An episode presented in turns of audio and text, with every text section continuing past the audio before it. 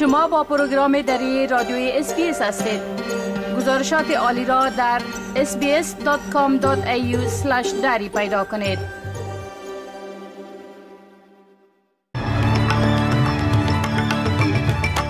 با عرض سلام مصاحب شکیب شما را به شنیدن اخبار مهم امروز چهارم جولای 2023 از برنامه دری SBS دعوت می کنم.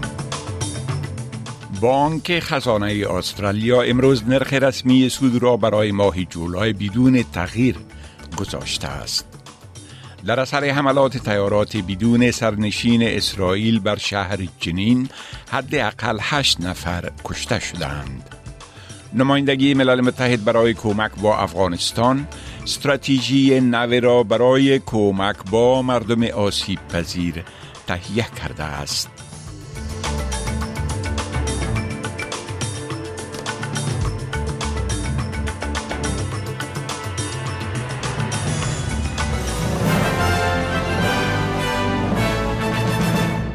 تفصیل اخبار نرخ سود این ماه تغییر نیافته و به پیمانه 4.1 فیصد باقی مانده است.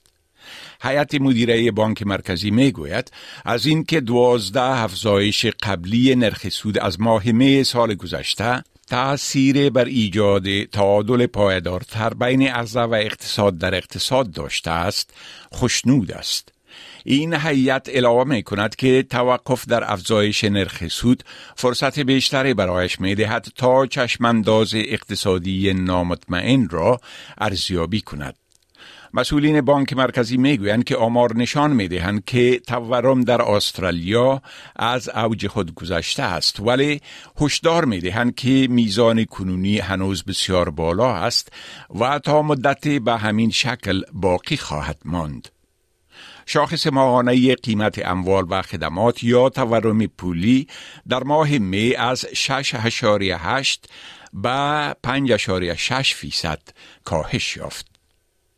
بینی وانگ وزیر امور خارجه می گوید که مقررات ویزا برای اندونزیایی ها که به استرالیا سفر می کنند در تلاش برای تقویت روابط اقتصادی بین دو کشور آسانتر خواهد شد.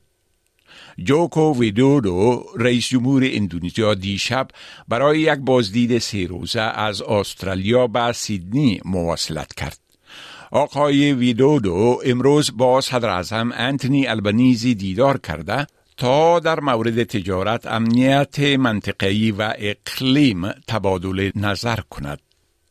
سناتور وانگ به ای بی سی گفته است که موضوع موانع سفر چندین بار توسط اندونزیا مطرح شده است. One of the things we're focused on is how do we improve our economic ties. Obviously, Indonesia is an increasing uh, economic power and will be over the next decade.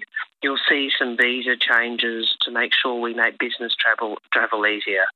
یک تحقیق پارلمانی من تبلیغات قمار آنلاین را پیشنهاد و شرکت های قماربازی را به سوی استفاده از کاربران اثرپذیر متهم کرده است.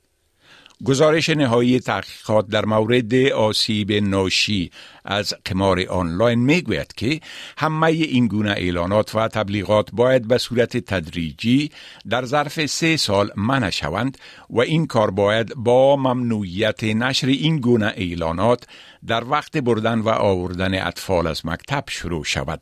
پیتا مرفی رئیس این تحقیق و نماینده حزب کارگر می‌گوید که آسیب قمار آنلاین باید به حیث یک موضوع صحت عامه تلقی شود و استدلال می کند که تبلیغات شرط بندی رفتار خطرناکتر را در بین جوانان و اطفال تشویق می کند. We bet more than any other country in the world. We lose $25 billion per year on gambling in Australia. So this inquiry was about looking at are our current regulations fit for purpose? Are we doing enough to stop harm before it starts? Given that there are 31 recommendations in this report, I think it's fair to say that the answer is no. نظرسنجی ها نشان می دهند که میزان حمایت از ایجاد صدای بومیان در پارلمان که قرار است در مورد آن سال جاری همپرسی صورت گیرد در نواحی اطرافی و روستایی استرالیا کاهش یافته است. یک نظرسنجی آنلاین 10131 رای دهنده که توسط بخش تحقیقاتی استرالیان کمیونیتی میدیا انجام شد. نشان داد که در مجموع رای مخالف صدای بومیان 55 فیصد رای موافق 38 فیصد و رای نامعلوم 7 فیصد بود. ولی در مناطق اطرافی رای مخالف 57 فیصد رای موافق 35 فیصد و رای نامعلوم یا بلا تکلیف 8 فیصد بود. این نظرسنجی به اشتراک خوانندگان 14 نشریه روستایی و شهری ساحل شرقی استرالیا از 16 تا 26 ماه جون انجام شد. نیروهای اسرائیلی شهر جنین را با تیارات بدون سرنشین مورد حمله قرار دادند که به قتل حداقل هشت نفر منجر شد. صدها سرباز هم در نبردهای مسلحانه در آن شهر شرکت کردند.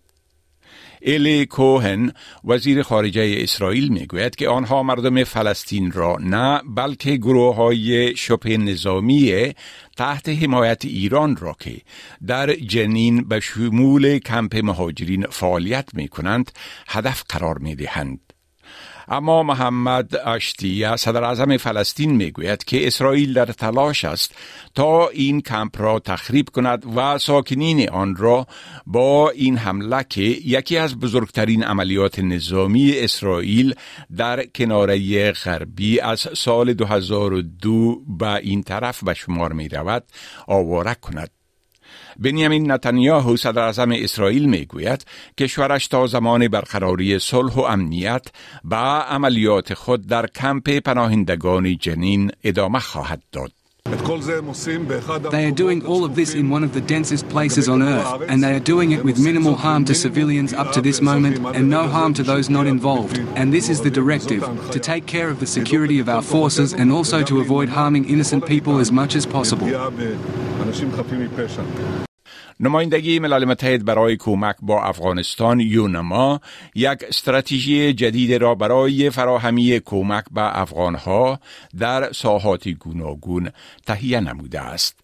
در یک اعلامیه یونما دیروز گفته شد که طبق این چارچوب استراتژیک در بخشای صحت، تغذیه، آموزش، کار، اقتصاد، ادغام اجتماعی، برابری جنسیتی، حقوق بشر و حاکمیت قانون به افغانها کمک و حمایت ارائه خواهد شد. در این اعلامیه آمده است که این چارچوب استراتژیک اولویت های ملل متحد برای حمایت از افغانها را بین سالهای 2023 تا 2025 مشخص می کند.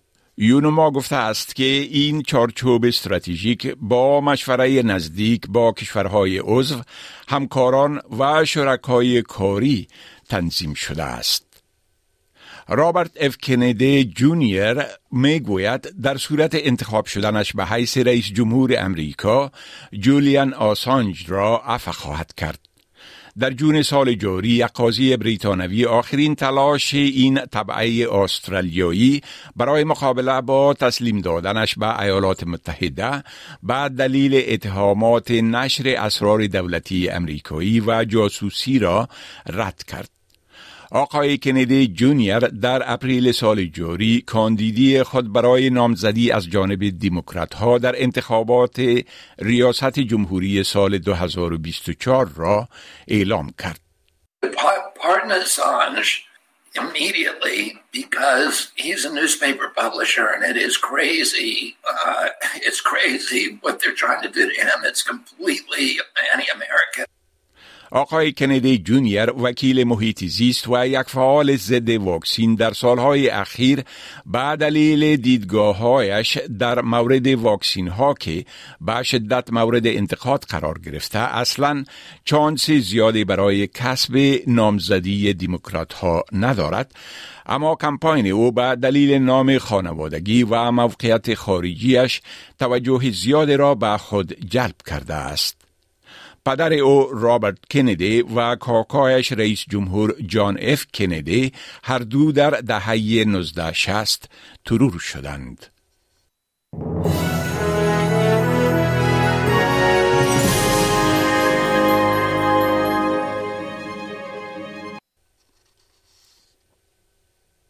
و حال اخبار ورزش ارزش دلار استرالیایی در برابر اسعار جهان و وضع هوا برای فردا پس از آن که ریشی سوناک صدر بریتانیا ادعا کرد که تیم کرکت استرالیا در دومین مسابقه تست کرکت اشز با خارج ساختن جانی بیرستو بازیکن انگلیسی از طریق استمپینگ تقلب کرده انتونی البنیزی صدر اعظم استرالیا در مقابل تیم کشورش را تقدیر نموده است. آقای سونک تیم استرالیا را به نقض روحیه کرکت در خارج کردن بیرستو به این شیوه متهم کرده است. اما آقای البنیزی از حساب رسمی تویتر خود برای پاسخ دادن استفاده کرده و تیم های کرکت مردان و زنان استرالیا را که هر دو در حال حاضر در انگلستان مصروف مسابقاتند تحسین کرده است. او گفت که به هر دو تیم افتخار می کند و آنها را همیشه برنده توصیف کرد. ارزش یک دلار استرالیایی در بازارهای تبادله اسعار معادل تقریبا 57 افغانی 67 سنت امریکایی 61 سنت یورو و 53 پنس بریتانوی می باشد.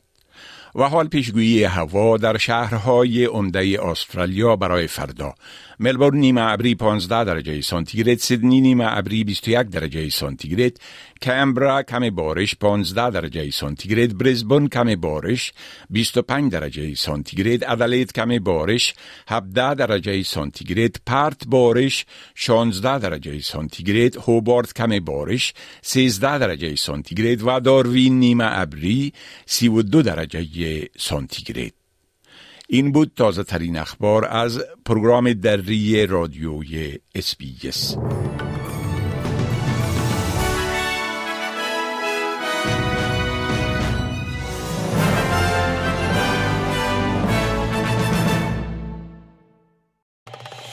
بپسندید شریک سازید و نظر دهید. اسپیس دری را در فیسبوک تعقیب کنید.